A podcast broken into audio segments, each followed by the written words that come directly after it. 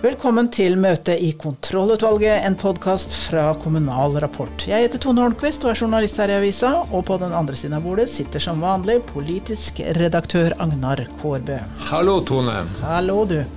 Du har vært ute og snakka med KOSTRA-ekspert Chris Madsen i KS om KOSTRA, som eh, fyller 25 år i dag.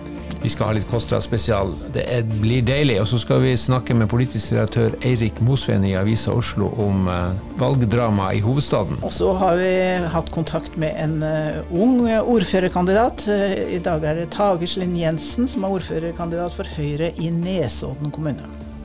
Og til eventuelt så skal vi innom et gammelt, men stadig like aktuelt tema, nemlig ordskiftet og tonen i kommunestyret, som bør være Frisk, men respektfull. Men ikke alltid er det. Er dagsorden godkjent? Det er det. Møtet er satt.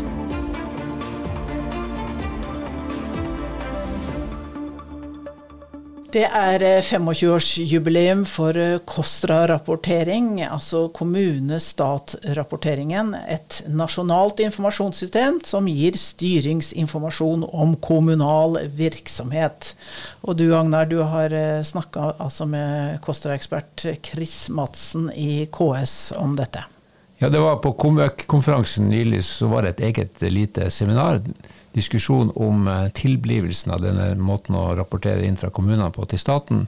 Hvorfor det kom i stand, og hvordan dette systemet har utvikla seg. Og Kosta, det høres litt kjedelig ut, det høres ut som en, sånt, en fest for nerder, og det er det i og for seg, men dette er jo nøkkeltall for å forstå hvordan kommunene disponerer ressursene sine. Og for oss i Kommunal Rapport så er KOSTRA-tallene helt avgjørende når vi lager kommunebarometeret. Men spørsmålet på seminaret var er, disse, er denne rapporteringa god nok, og kan den eventuelt bli bedre? Vi skal høre litt på han, hva Kostra Chris sier om dette. Disse tallene kommer nå torsdag 15.6. Hvorfor er Kostra-tallene viktige for eh, kommunale politikere og ledere? Fordi det er den objektive og mest relevante kilden for eh, kommunal styringsinformasjon. Det betyr at du rett og slett kan ta disse tallene, hent som SSB nå administrerer og samler inn på vegne av staten, og så kan du se hvordan din kommune drives sammenlignet med andre. Men får du gode resultater? Får du gode sammenlignbare tall? Min vurdering er nå at de aller aller fleste kommuner har kommet så langt at de er gode på inn både på regnskap og på tjenestedata. Så det, det gjenstår å bli også mer bedre på det å anvende det til tjenesteutvikling og styring. Og Du er opptatt av at man må se bak tallene, som del, se bak resultatene, analysere dem. Er kommunene gode på det? De blir bedre og bedre. Det er en litt sånn eh, passe diplomatisk eh, svar på det. Det er, det er ganske stor strekk i feltet eh, i forhold til hvor langt man har kommet på den biten. Men jeg mener jo også at Kostra har forbedringspotensialet, som, som jeg var litt inne på i tidligere innlegg, om at det kan bli med enda mer presist, relevant styring og analysedata der. Da tror jeg vi også kommer lenger på det sporet i forhold til anvendelse. Men det har gjort noe med både forholdet politikk og administrasjon. Vi går i mindre grad rundt nå og føler og tror at, men vi kan legge fram et faktagrunnlag som, som um, vi er enige om. Sånn er det. Da kan vi tenke videreutvikling. Men du var litt utålmodig som du var inne på, for å få endring. For det, det, er mye, det, er noen ting som ikke er blitt endra på, på, 25 år. eller Man fanger liksom ikke opp uh, eh, utviklinga i den kommunale tjenesteporteføljen. Den Omgivelsene har jo endra seg, de endrer seg jo hele tiden. Men, men uh, veldig mye de siste kanskje åtte-ti årene med at uh, kommunesektoren har fått uh, nye ansvarsområder og det er blitt mer komplekst. Og så har ikke analyse- og statistikkgrunnlaget gjennom KOSTRA bl.a. Uh, fulgt helt med i utviklingen. Så, så, så, vi kommer ikke så langt ned i dybden på det vi nå trenger i forhold til barnevernsreform, oppvekstreform, psykisk helse og rus, og ikke minst da Eh, helse- og omsorgstjenester som, som, også viser seg å være blitt mer komplekse på, på kommunalt plan. På dette seminaret som er under eh, KOMØK-konferansen, så var det mye snakk om 254. Eh, det høres jo ut som et hotellrom på et konferansehotell, men det er det slett ikke. Det er en viktig post i kostnadssystemet. Forklar litt om det. Altså, Ca. en tredjedel av kommunekaka går til pleie og omsorg, og halvparten der går til 254, altså helse- og omsorgstjenester til hjemmeboende. Det er mange mange milliarder, og når vi vet at 72 eh, av timene, som er omtrent det samme ressursbruken, går til yngre brukere, og ikke eldre brukere, og vi ikke kan skille dette ut, og ikke vet er, om det gis timer til få eh, eller til mange, eller mange timer eller få timer, eh, så, så, betyr det at eh, både i regnskapssammenheng, men også når det gjelder bruker- og ansattsammenheng, så har vi ikke mulighet til å få god nok innsikt på et så stort område. Så det er det jeg har brent litt for. Og dette er et viktig eh, område. Vi går inn i en valgkamp nå hvor helse og omsorg kommer til å bli en av de sentrale sakene. Og da er det rett og slett ikke så enkelt for den eh, litt sånn eh, tilfeldige observatører av eh, valgkampdebatter og vite hva man egentlig snakker om. Burde, her burde politikerne lese seg litt opp på Kostra før de gikk inn i debatten. Ja, de burde ta kontakt med Kostra, Chris, før de går inn i debatten. Nei, for å være seriøs.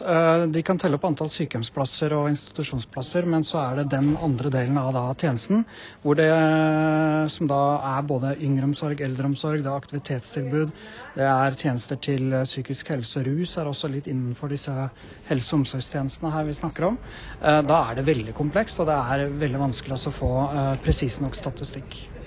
For det er jo sånn at Kommunene eh, bruker en stor andel av den, de offentlige midlene som bevilges over statsbudsjettet hvert år. Så det er et poeng å ha god informasjon om hvordan midlene disponeres og hva man får igjen for det. Og Da er KOSTRA liksom, det er det eneste verktøyet vi har.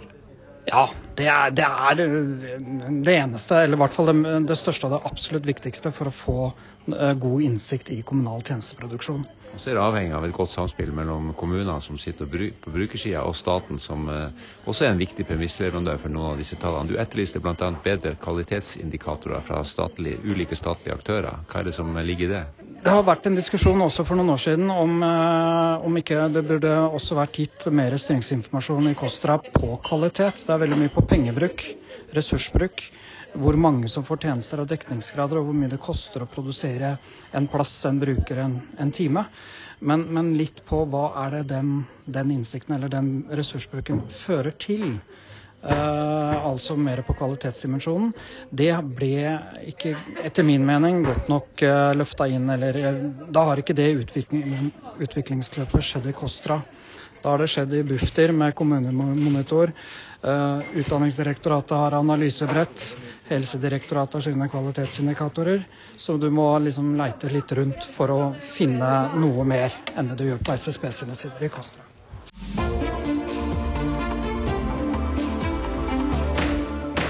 Det er eh, mange godt voksne mennesker i norske kommunestyrer, men eh, det fins da noen partilag som eh, satser på ungdommen, bl.a. Nesodden Høyre, og de har satt deg, Tagerslinn Jensen, øverst på lista. Nei, jeg syns jo det er veldig hyggelig. Og da jeg fikk tilbudet om å være partiets ordførerkandidat, så måtte jeg jo si ja til det. Og så kan jeg jo innrømme at det er jo litt skummelt å takke ja til en sånn posisjon. For det er jo lett å tenke oi, det er veldig mye jeg ikke kan om en kommune. Men eh, jeg, jeg syns man skal ha som holdning at man må takke ja til de mulighetene jeg får, og at det er en arena for å lære, da. Så jeg er kjempemotivert og syns det er veldig hyggelig at partilaget har gitt meg tilliten. Men du har sittet en periode allerede. Du er hvor gammel? 24 år? Ja, det er helt riktig. Så jeg sitter i kommunestyret og så i skole- og oppvekstutvalget i kommunen. Hva er det viktigste du har lært i, i første periode? Eh, det viktigste jeg har lært meg, er vel at uh, flertall kan dannes på kryss og tvers i uh, et kommunestyre. Og at hvis du skal få til noe, så er man nødt til å samarbeide på tvers. Uh, jeg syns vi har både gode og mindre gode eksempler på det i min kommunestyreperiode nå. Hvor man kanskje hadde kommet lenger med noen saker hvis man hadde samarbeidet bredere. Eh, men at vi også har oppnådd noen eh, gode resultater fordi man har klart å samarbeide. Ja, så for eksempel, så Det var vel et forslag som SV og Høyre fremmet sammen om å etablere en helsestasjon for uh, unge gutter, f.eks.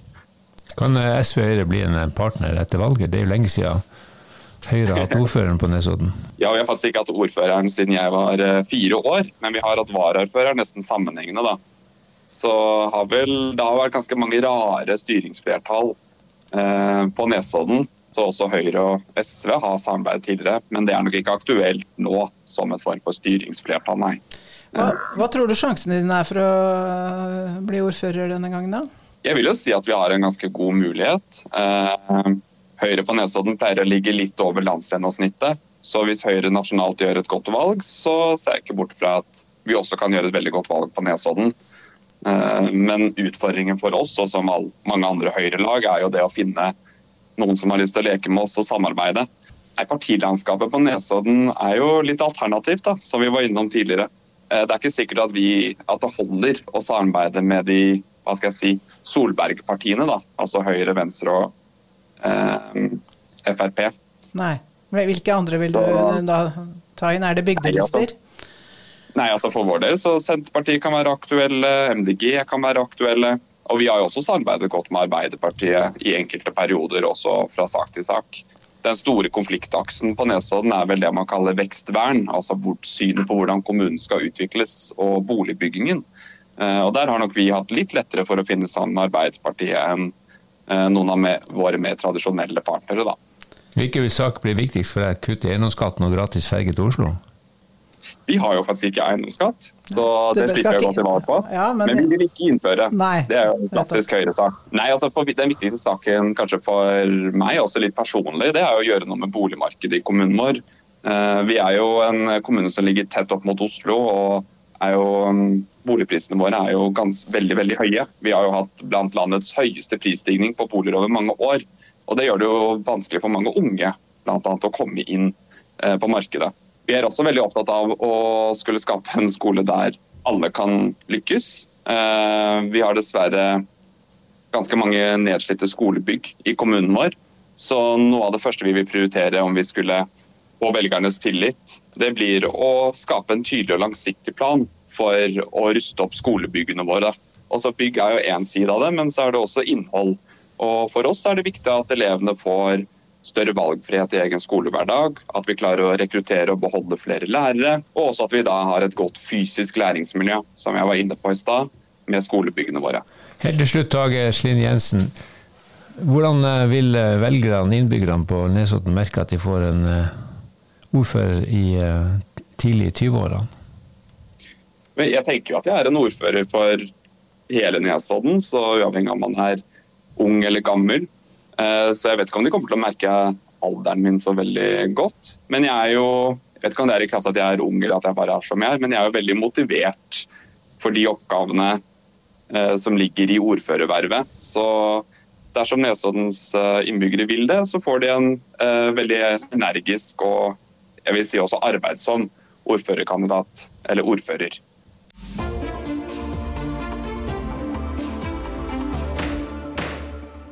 Da har vi med oss eh, politisk redaktør i Avisa Oslo, Eirik Mosven. Og du sitter nå klar med en analyse av Oslo-politikken før eh, valget til høsten. Eh, Mosven, nå sitter jo Ap med byrådsleder Johansen og SV med Marianne Borgen som ordfører. Men hvordan blir dette etter valget? Blir det Ap og SV som styrer byen da også? Det er jeg mer usikker på enn jeg har vært på noe tidspunkt den siste fireårsperioden. Eh, og det er rett og slett fordi det er blitt eh, mye tettere eh, og jevnere enn det det har vært på de meningsmålingene som har vært i de siste tre og et halvt årene, og vel så det.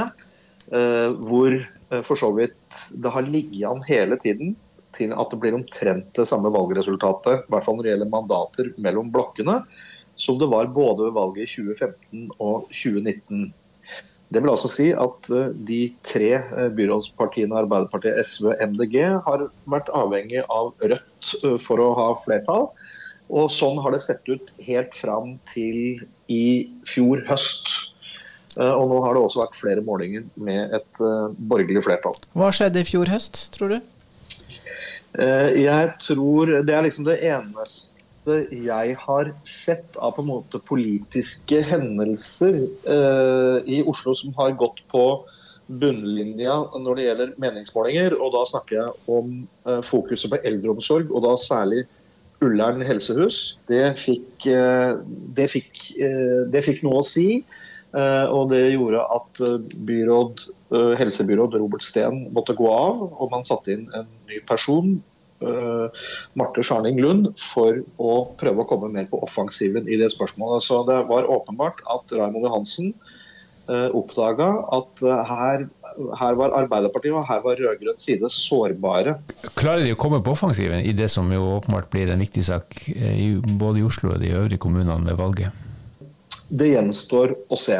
Eh, det var et offensivt grep å sette inn Marte Scharning Lund, og hun har tatt noen grep. og de har eh, også sånn organisatorisk, eh, Og de har kasta inn mer penger direkte til de helsehusene og andre, og andre steder i eldreomsorgen. Spørsmålet som jeg tror Raymond Hansen er mest opptatt av akkurat nå, det er hvorvidt han og de andre Oslo-politikerne er i stand til å greie å bryte gjennom den nasjonale lydmuren og gjøre dette til en Oslo-valgkamp. Eh, Oslo Arbeiderpartiets analyse Raymond Johansens analyse, er at jo mer, altså jo mer man greier å gjøre det til en Oslo-valgkamp, jo større sjanse har Arbeiderpartiet til å gjøre det bra, og jo større uh, sjanse har rød-grønn side til å beholde flertallet. Men uansett om de lykkes med det, så kommer de til å gjøre et historisk sett dårlig valg. Høyre kommer til å gjøre et knallvalg, og allikevel så er det så superjevnt. Hva forklarer ja. det? Problemet uh, i forhold til å vurdere den type ting, da, det er jo rett og slett at selv om uh, Arbeiderpartiet har gjort det sensasjonelt dårlig, man må huske på at de også i 2019 gikk tilbake fra 32% i 2015 til 20 blank i 2019. Men det gjorde likevel ikke noe med styrkeforholdene mellom blokkene. Det var praktisk talt uendra. Derfor kan også Høyre komme i den eh, eiendommelige situasjonen at de får et veldig veldig godt valgresultat langt opp på 30-tallet uten at de klarer å vinne makten. Eh, men Høyre har flere strategier på det som jeg tror man ikke skal undervurdere eh, heller. Og det er f.eks. hva skjer hvis Høyre sier at, etter valget sier at, vi, at det er flertall av Venstre, MDG og Høyre. Og det selv med et rød-grønt flertall. Jeg tror ikke det er så usannsynlig som de fleste eh, kanskje tenker seg. Men nå har jo MDG sagt at de gjerne vil fortsette å støtte og sitte i dette byrådet i Oslo? Det har det. Men eh, det er noen politiske tyngdelover som kan eh, tre i kraft. F.eks. at Arbeiderpartiet gjør det helt historisk dårlig at SV blir større enn Arbeiderpartiet. Men det blir et rød-grønt flertall. Eh, på den siste målingen i VG så hadde SV 14 og Arbeiderpartiet 17% Da kan det etter åtte år med Raymond Johansen eh, oppstå en situasjon hvor egentlig hele legitimiteten til Raymond Johansens prosjekt i Oslo går fløyten. Da er det mulig å se for seg eh, en sånn trepartiløsning som jeg snakka om. Det som taler mest imot det, er at MDG ser ut også til å gjøre det veldig dårlig. Eh, så det, eh, det, svekker det, men, det alternativet. Men jeg vet at det første tallet Høyres strateger ser på ved hver ny måling i Oslo, som dessverre er altfor få, det er har de tre partiene flertall de ser på det før omtrent borgerlig side av flertall. Ser, de, de, ser ikke på Frp lenger, for det har jo vært en eh, runde med dårlige saker for Frp i Oslo? Frp i Oslo har jo vært en vits totalt eh, siden 20, de frivillig valgte å gå ut av byrådet i, etter valget 2011. Uh, og på den siste målingen som var i VG, som vel er den siste uh, brede Oslo-målingen uh, overhodet, så var vel Frp godt nede på tretallet. Så de er ikke så vesentlig i, nødvendigvis i, for, i, forhold til det. Men, det, men så tett som valg, jevnt valget er i Oslo, så kan jo det for så vidt være helt avgjørende. det er ikke det. Men de har jo ikke, den, de har jo ikke noe særlig kraft så de er mye lettere for Høyre å på en måte kaste ut av en borgerlig tankegang. da. Erik Mosven, takk for din analyse av Oslo-valget.